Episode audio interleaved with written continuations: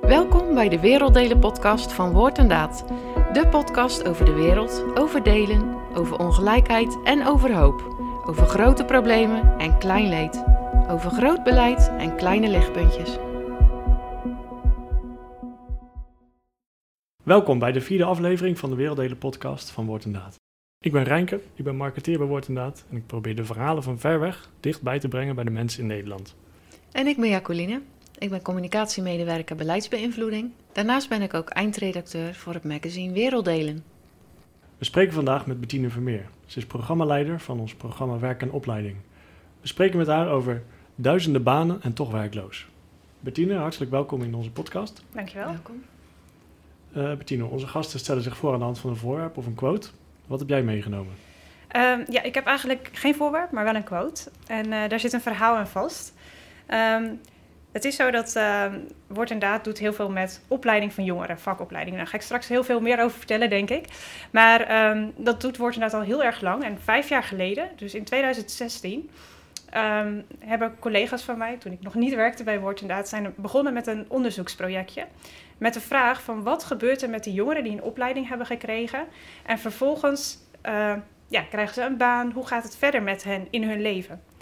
Nou, 40 studenten uit vier landen zijn vijf jaar lang gevolgd. Uh, en elk jaar kregen ze een interview, werden een aantal vragen gesteld. Hoe gaat het met je? Heb je een baan? Um, wat is je inkomen? Et cetera, et cetera. En uh, nou, ik had het voorrecht om uh, afgelopen december, eind 2020, de laatste resultaten te krijgen van dit onderzoek. En nou, ik vond het super mooi om door te lezen. Ook omdat je dan heel veel verhalen leest van jonge mensen die een opleiding gehad hebben en wat dat voor hen betekend heeft of niet betekend heeft.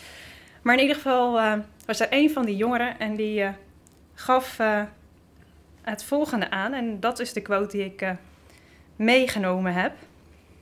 Hij zei: Voordat ik die vakopleiding kreeg, had ik geen doel in mijn leven. Ik stopte met mijn opleiding en ik had slechte vrienden. Toen gaf mij de technische opleiding in het Hope Technical Institute me hoop. Ik begon te dromen van een betere toekomst. Eerlijk gezegd, omdat ik in een arm gezin als het onze leefde en geboren werd, had ik er nooit aan gedacht om een officiële baan te nemen. Maar deze onmogelijkheid is werkelijkheid geworden, dankzij de vakopleiding. En dit is een citaat van uh, Neelkonto Mrida uit Bangladesh. Hij is 21 jaar. Het is een jonge man die nu werkt als, uh, ja, wat zal ik zeggen, koelkastreparateur in een, uh, in een zaakje in Bangladesh een vaste baan heeft. En uh, ja, bijvoorbeeld ook aangaf afgelopen jaar. Ik heb een uh, bankrekening kunnen openen. Ik heb wat kunnen sparen. Ik heb wat uh, tools, wat gereedschap gekocht. Want mijn droom is om voor mezelf te beginnen. En da daar ben ik verder in gegaan en ben ik verder in ontwikkeld. en ik heb gewoon een goed inkomen dankzij deze baan. En daar ben ik heel blij mee. En dat is gewoon heel mooi om te, om te horen. En daardoor kan hij ook zijn vader, geeft hij aan zijn gezin, waar hij uitkomt, kan hij ondersteunen. Um, ja, en eigenlijk is dat ook wat mij uh, heel erg trof en motiveert ook. Dat zo'n opleiding, wat iets simpels lijkt, echt hoop geeft en perspectief. En eigenlijk een hele mindsetverandering teweeg brengt bij uh, deze jongen. Waardoor hij ook iets kan betekenen in zijn omgeving, voor zijn gezin, voor zijn familie. Het is echt een verschil. Uh, er is een verschil gemaakt in zijn ja, leven, zeg ja, maar. inderdaad. En dat is heel mooi om, dan, om dat terug te krijgen. Ja, ja, en dat vond ik ook mooi om uh, dan te delen in deze podcast. Want dat is het, ja, iets wat echt in het hart zit van het uh, programma Werk en Opleiding. Mooi. Mooi. Ja. Je bent uh, programmaleider van uh, Werk en Opleiding. Waarom vinden we juist die combinatie belangrijk? Waarom noemen we het Werk en Opleiding? Ja, Woord en Daad heeft echt een hele lange historie in het steunen van onderwijs. kinderen met onderwijs, dus het adoptieprogramma bijvoorbeeld. Nou, al heel snel kwam daar ook vakopleiding bij, want na onderwijs is het ook belangrijk dat jongeren aan het werk komen en zichzelf kunnen redden. En ja, prachtig. Woord inderdaad heeft heel lang daarin samengewerkt met een aantal christelijke vakscholen wereldwijd. Hele diverse, maar ja, overal waren we heel erg bezig met kwaliteit van onderwijs, kwaliteit van de vakopleiding. totdat we op een gegeven moment zagen van die kwaliteit van die vakopleiding zorgt er niet altijd voor dat jongeren ook echt aan het werk komen. Dus toen is er eigenlijk een volgend stapje gemaakt. zijn er in heel veel landen uh, JBS'en opgestart. Dat staat voor JBS staat voor Job and Business Service.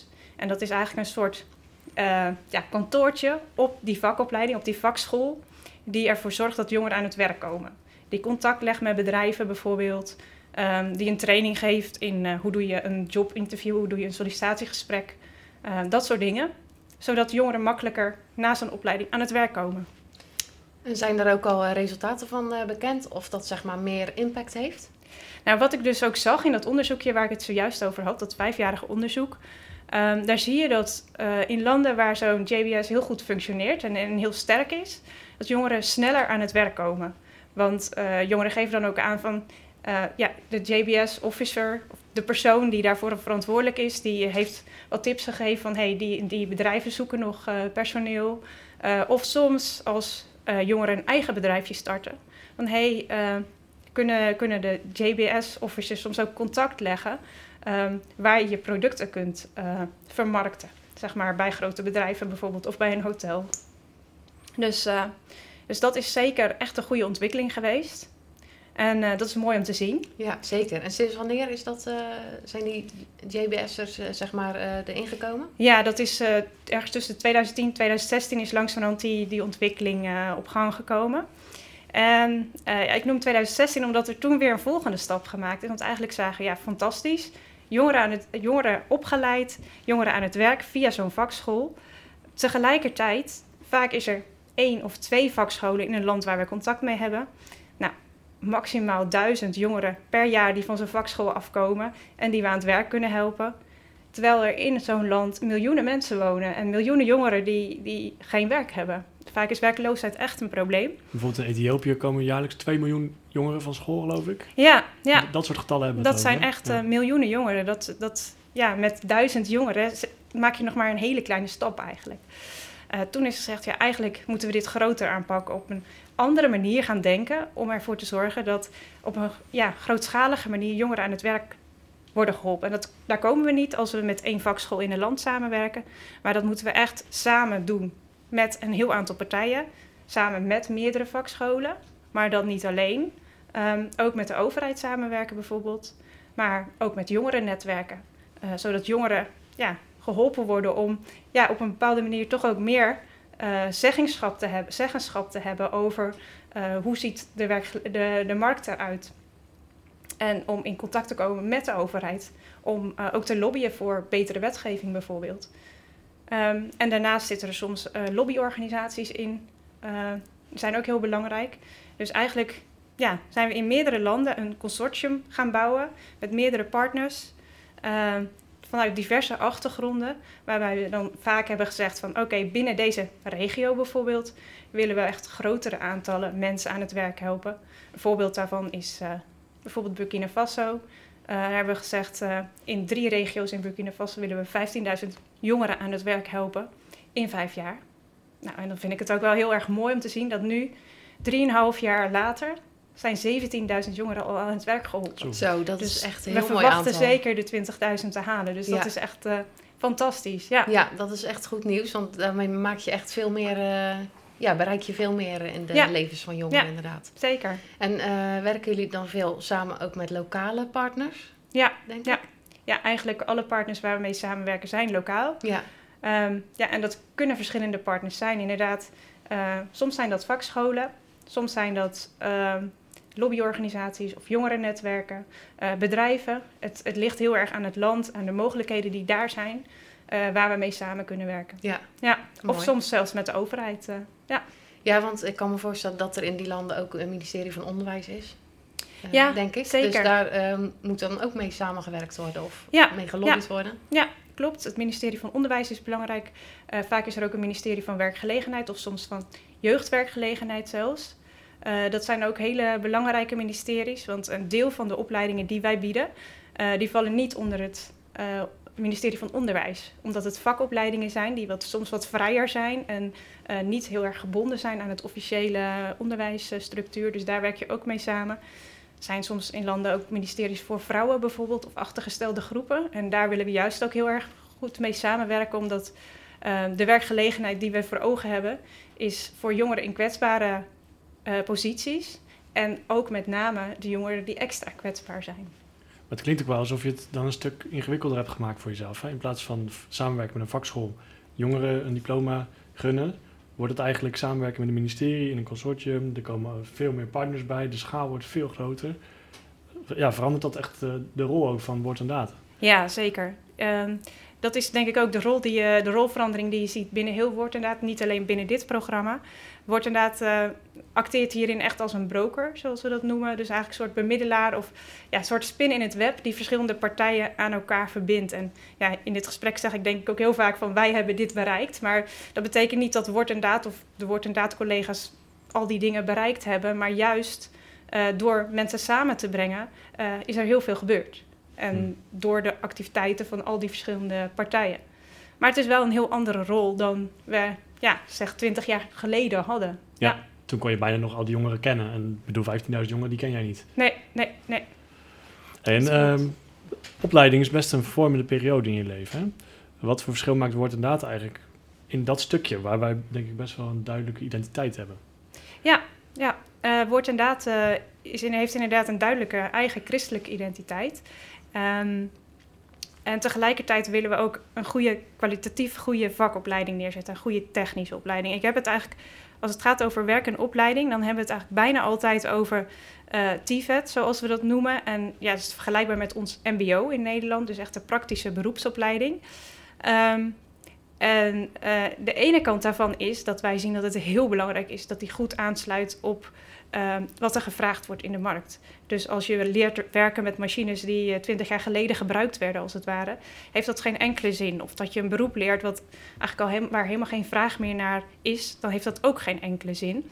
Uh, dus dat is één kant van het verhaal, dat wij als woord inderdaad zeggen van het is heel belangrijk om te starten bij wat is er nodig in de markt. Wat vragen bedrijven, maar ook welke kansen zijn er misschien om een eigen bedrijfje te starten. Dus, dus dat is één kant. Uh, en dat is nog best wel een stap te gaan soms. We hadden het net even over het ministerie van Onderwijs. Nou, uh, ja, bij onderwijs worden vaak ja, op ministerieel niveau allerlei beslissingen genomen. En dat gaat best wel traag en dat zorgt voor bepaalde verplichtingen die je hebt in het curriculum. Wat niet altijd leidt tot uh, curricula die heel goed aansluiten bij de vraag van de markt, omdat er gewoon hele vertraging in zit. Dus dat is één kant van het verhaal die wij heel belangrijk vinden als woord. Inderdaad, de andere kant is inderdaad die christelijke waarden van waaruit wij werken en die christelijke vorming. En uh, daarom is een ander deel van de opleiding is, uh, de soft skills of de, ja, hoe zou ik het zeggen, de sociale vaardigheden, de persoonlijke vaardigheden. En um, dat is trouwens gewoon, loopt heel vaak door elkaar heen. Het is niet per se eerst doen we de technische en dan uh, de soft skills, maar dat loopt ook vaak door elkaar heen. Hmm. Um, en dat is uh, persoonlijke vorming en dat heeft hele verschillende kanten. Bijvoorbeeld, uh, veel jongeren geven ook aan van ja, zelfvertrouwen is verbeterd. Soms ook hoe ga ik om met mijn collega's, uh, sociale vaardigheden. Maar ook ehm, wat hoe kan ik op een goede manier een werknemer zijn? Zeg maar, vanuit welke waarden maak ik, uh, werk ik en maak ik beslissingen? Um, dus ook een heel, heel stukje persoonlijke ontwikkeling. En ik vond het ook wel heel mooi om te, om te lezen in, uh, in het verslag, in dat onderzoeksrapport waar ik maar weer op terugkom. Um, dat er ook een heel aantal studenten zeiden van... ja, deze opleiding heeft mij ook uh, geleerd om meer te vertrouwen op God. Bijvoorbeeld, uh, afgelopen jaar was een moeilijk jaar, COVID-19. Uh, mensen raakten hun baan kwijt bijvoorbeeld. Uh, maar ze gaven dan toch aan van, hey, dankzij die opleiding uh, ben ik hier doorheen gekomen. Want ik, heb, ja, ik ben gegroeid in, in vertrouwen op God, in overgave ook. Ja, dus dat, dat is heel mooi. Het is ook echt vormend voor de rest van hun leven, ja. de opleiding. Ja. En even iets heel praktisch, aan welke opleidingen moet ik dan bijvoorbeeld denken? Ja, ja, inderdaad, goede vraag.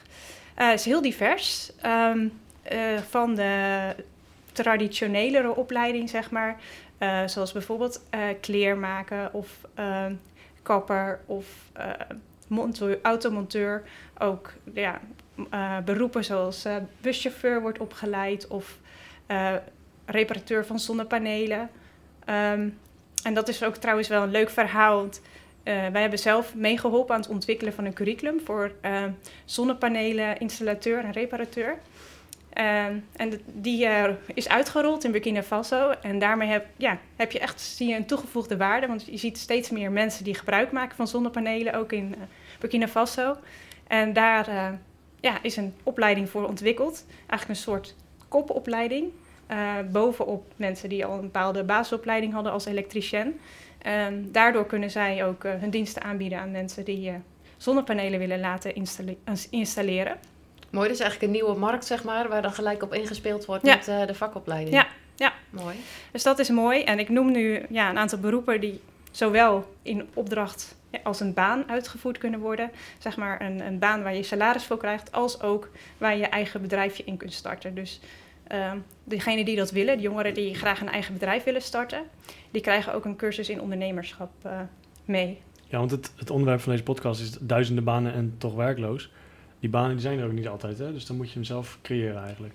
Ja, nou, duizenden banen en toch werkloos is misschien iets wat past bij de Nederlandse situatie. Maar eh, wereldwijd zie je heel vaak dat jongeren inderdaad duizend banen hebben, zelf duizend banen hebben, maar nog geen inkomen. Dus ze zijn niet werkloos, maar eh, hun inkomen is niet voldoende, terwijl ze wel heel veel dingen doen. Je ziet die combinaties, zie je heel veel terugkomen. Eh, met name ook in Afrikaanse landen, maar ook in andere landen wel.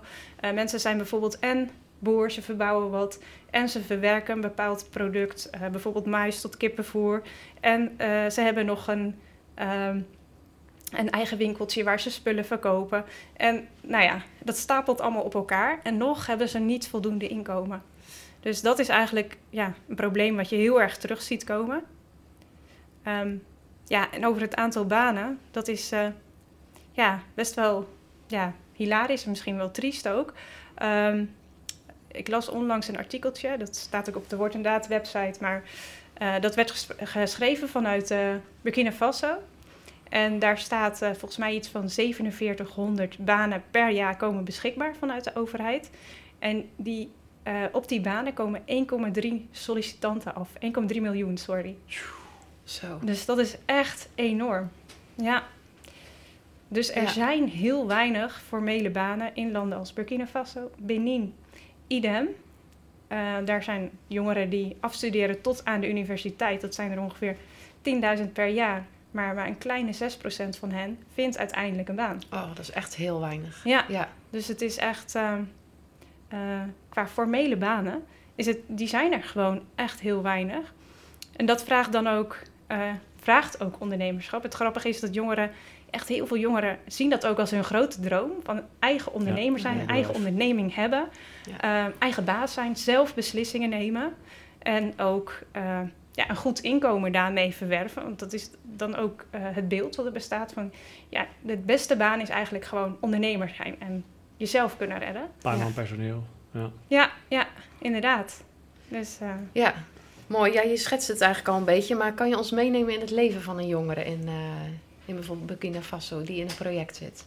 eh, ja, Eh, ik, ik moet daarbij denken aan een jongere die ik gesproken heb. eh, nou, misschien wat oudere jongere. Die was eh, denk ik begin 30. ehm, in Burkina Faso. En eh, die jongen die, eh, had een opleiding gehad. Hij kwam uit een klein dorpje in de buurt van eh, Bobo. Bobo is een ja, redelijk grote industriestad in eh, Burkina Faso. Een beetje een soort Rotterdam, zeg maar, van, eh, van Burkina Faso. En hij woonde dus in een klein dorpje. En ja, dankzij steun kon hij een opleiding doen in, in de stad. En toen was hij klaar met die opleiding. Dat was een opleiding tot elektricien. En hij is daar aan het werk gegaan in de stad. Kon hij een baan krijgen bij een groot bedrijf. En daar heeft hij even gewerkt en wat geld gespaard. En toen is hij teruggegaan naar zijn dorp. Want dat was eh, zijn droom. En daar is hij zijn eigen bedrijf eh, begonnen. Zijn eigen ja, bedrijf als elektricien. En eh, nou, dat, dat begon eigenlijk heel goed te lopen. Dus daar heeft hij nu een mooi inkomen aan, aan, aan, elke maand over, zeg maar. Tegelijkertijd zei hij, in de tussentijd was zijn broer overleden. En die had ook een eigen gezin al.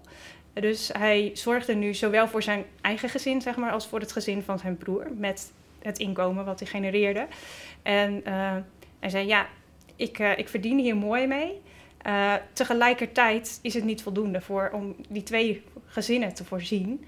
En ja, ben ik ook boer daarnaast. Ik verbouw mais en dat verwerk ik tot kippenvoer en dat verkoop ik dan weer. Dus dat is een ander stukje van mijn bezigheden. En ja, dat is heel grappig. Hij noemde dat ook juist. En hij zei, ja weet je, ik zou heel graag wat meer willen bieden aan mijn klanten. Want ik ben elektricien, ik, ik doe dingen echt goed, want ik ben goed opgeleid. Tegelijkertijd zijn er heel veel mensen in mijn dorp die ook deze werkzaamheden aanbieden, maar die geen opleiding hebben. Wat heel gevaarlijk is natuurlijk als je elektriciteit niet goed aanlegt. Dat kan hele grote gevolgen hebben. Maar ehm, die opleiding, merkte hij, wordt niet zo gewaardeerd. Mensen willen daar niet voor betalen, ze betalen liever weinig. En hij zei, ja, als ik nu wat meer kan bieden aan mijn klanten, dan kan ik ook laten zien van, hé, hey, ik ben echt de expert. Als ik bijvoorbeeld een opleiding zou hebben tot reparateur van zonnepanelen, uh, dan zou ik echt kunnen laten zien van, hé, hey, ik, ik kan meer klussen dan alleen maar de simpele aanleg van elektriciteit.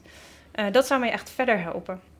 En wat hij dan als echte droom had, is ja, eigenlijk wilde hij een winkeltje maken. Uh, waarbij hij onderdelen voor, uh, voor zijn werk als elektricien uh, inkocht in grote bulk, zeg maar. En dan weer verkocht aan, aan anderen in zijn omgeving. Dus dat hij ook direct met groothandelaren kon onderhandelen over de prijs en zo ook goedkope materialen binnen kon halen. Dus eigenlijk, ja, ik vond dit een mooi verhaal, omdat dat ondernemerschap, dat merk je, dat zit bij heel veel jongeren er echt enorm in. Van telkens een stapje verder denken, uh, een stapje verder gaan ook in de ontwikkeling van je eigen bedrijf. En wat hij ook zei is, uh, ja, ik zou dan graag als ik die winkel heb en als ik dan wat groter ben, dan kan ik ook mensen in dienst nemen. Dus kan ik anderen ook leren wat ik heb geleerd. Um, ja, en zo echt uh, een impact maken op mijn omgeving. Dus, mooi. Ja. ja. ik vind dat wel mooi om te horen. Het, het, laat ook heel veel veerkracht zien, denk ik. Want ze ja. lopen ongetwijfeld ook tegen uitdagingen aan. Ja, ja. Dat, dat is zeker zo. Er zijn gewoon heel veel barrières om aan het werk te komen. Ja. Maar ik dacht ook misschien als er geen banen zijn, dat dat juist uh, zoiets opbrengt in zo'n jongen om het zelf te gaan, gaan regelen. Als niemand het voor je doet, ja, dan moet je het zelf doen. Ja, ja, ja. En juist, uh, dat is even een ander voorbeeld vanuit Tjaat. In Tjaat richten we ons eigenlijk met het Jobbooster project daar ter plekke echt enorm op ondernemerschap. Dat is eigenlijk het enige wat we, waar we ons op richten. Helemaal niet zozeer op, uh, op banen, maar echt ondernemerschap je ziet juist dat de jongeren die, die soms heel hard ervoor moeten vechten, wel een heel goed idee hebben. En, en echt ook die wil en die drive en die, dat doorzettingsvermogen om er ook echt uh, te komen. Dus die jongeren willen we ook echt uh, selecteren dan. Dus daar zit een heel selectieproces uh, aan vast. Uh, begint met een soort bekendmaking van, nou, voor alle jongeren, hebben jullie een businessplan? Nou, kom daar na deze bijeenkomst. Dan is er een soort informatiebijeenkomst en kunnen mensen hun businessplan inleveren. Nou, dat is heel divers. De een die wil een kapperszaakje beginnen. De ander heeft een heel innovatief idee, die wil biogas gaan produceren. En uh, nou, nog weer een ander wil een weeshuis starten. Nou, dat, dat is natuurlijk niet zo'n heel goed businessmodel, maar het, het is een heel diversiteit aan plannen die binnenkomt. Die worden beoordeeld door uh, het Jobbooster kantoor met behulp van ondernemers. En uh, de beste ideeën, de mensen met de beste ideeën, die krijgen een soort training, begeleiding om dat businessplan nog beter te maken. En dan komt er weer een tweede selectie en daar de beste plannen weer uit. Die krijgen echt langdurige coaching om ja, dat bedrijf goed neer te zetten. En bereik je hiermee niet vooral high potentials? Um, nou, dat verschilt. Uh, het verschilt. Het gaat er niet zozeer om dat jongeren een hoge opleiding hebben. Hmm. Uh, dat is niet het selectiecriterium. Uh, het gaat vooral om degene die, die een plan hebben, die een wil hebben, die die drive hebben. Die dus, dus de mindset hebben als het ware. Um, en, en dan kun je eigenlijk alle achtergronden hebben. Dat maakt ja, dan, dat niet maakt niet zoveel uit. Je ziet wel ook dat daar bijvoorbeeld ook jongeren die universiteit gedaan hebben, hieraan meedoen, omdat er simpelweg geen banen zijn op universitair niveau om op te solliciteren, zeg maar. Dus ook jongeren van de universiteit die eigenlijk niet per se het niveau zijn waar wij ons op richten, uh, die, die doen hier wel aan mee en die, die uh, vinden dit ook interessant. Ja. ja. Ik kan me voorstellen dat je bij het uh, opleiden, mensen aan het werken helpen, geld verdienen, ook wel tegen ethische dilemma's aanloopt. Want ja, werken en geld verdienen gaat niet altijd op de meest nette manier natuurlijk. Heeft soms ook ongewenste neveneffecten. Uh, ik denk bijvoorbeeld uh, in Burkina Faso de mijnbouwsector. Uh, in de Filipijnen leiden we, worden jongeren opgeleid en die gaan soms over zee aan de slag. Dus dat heeft dan weer heel veel impact ja, op andere factoren zeg maar, die je niet altijd voorziet. Hoe kijk jij hier naar? Ja, dat is echt terecht. Er zitten ook best wel dilemma's aan, waar ook nooit een heel makkelijk antwoord op te geven is. Um, Afgelopen jaar zijn we als team zeg maar, van uh, werk en opleiding, dat zijn dus projectleiders en andere mensen die betrokken zijn bij de projecten, bij de werk- en opleidingprojecten, uh, bezig geweest met de planning voor de komende vijf jaar. En hebben we nou, nagedacht over wat zijn onze doelen voor de komende vijf jaar. En een van de aspecten was ook van hoe vertalen wij die, die kernwaarden van woord en daad, hoe vertalen we die gewoon echt naar de praktijk van wat wij doen als werk en opleiding. En uh, eigenlijk aan de hand van die vijf kernwaarden van woord en daad hebben we gezegd van deze keuzes willen we maken. En een van de dingen die daar uh, aan de orde kwam, een van de waarden is rentmeesterschap.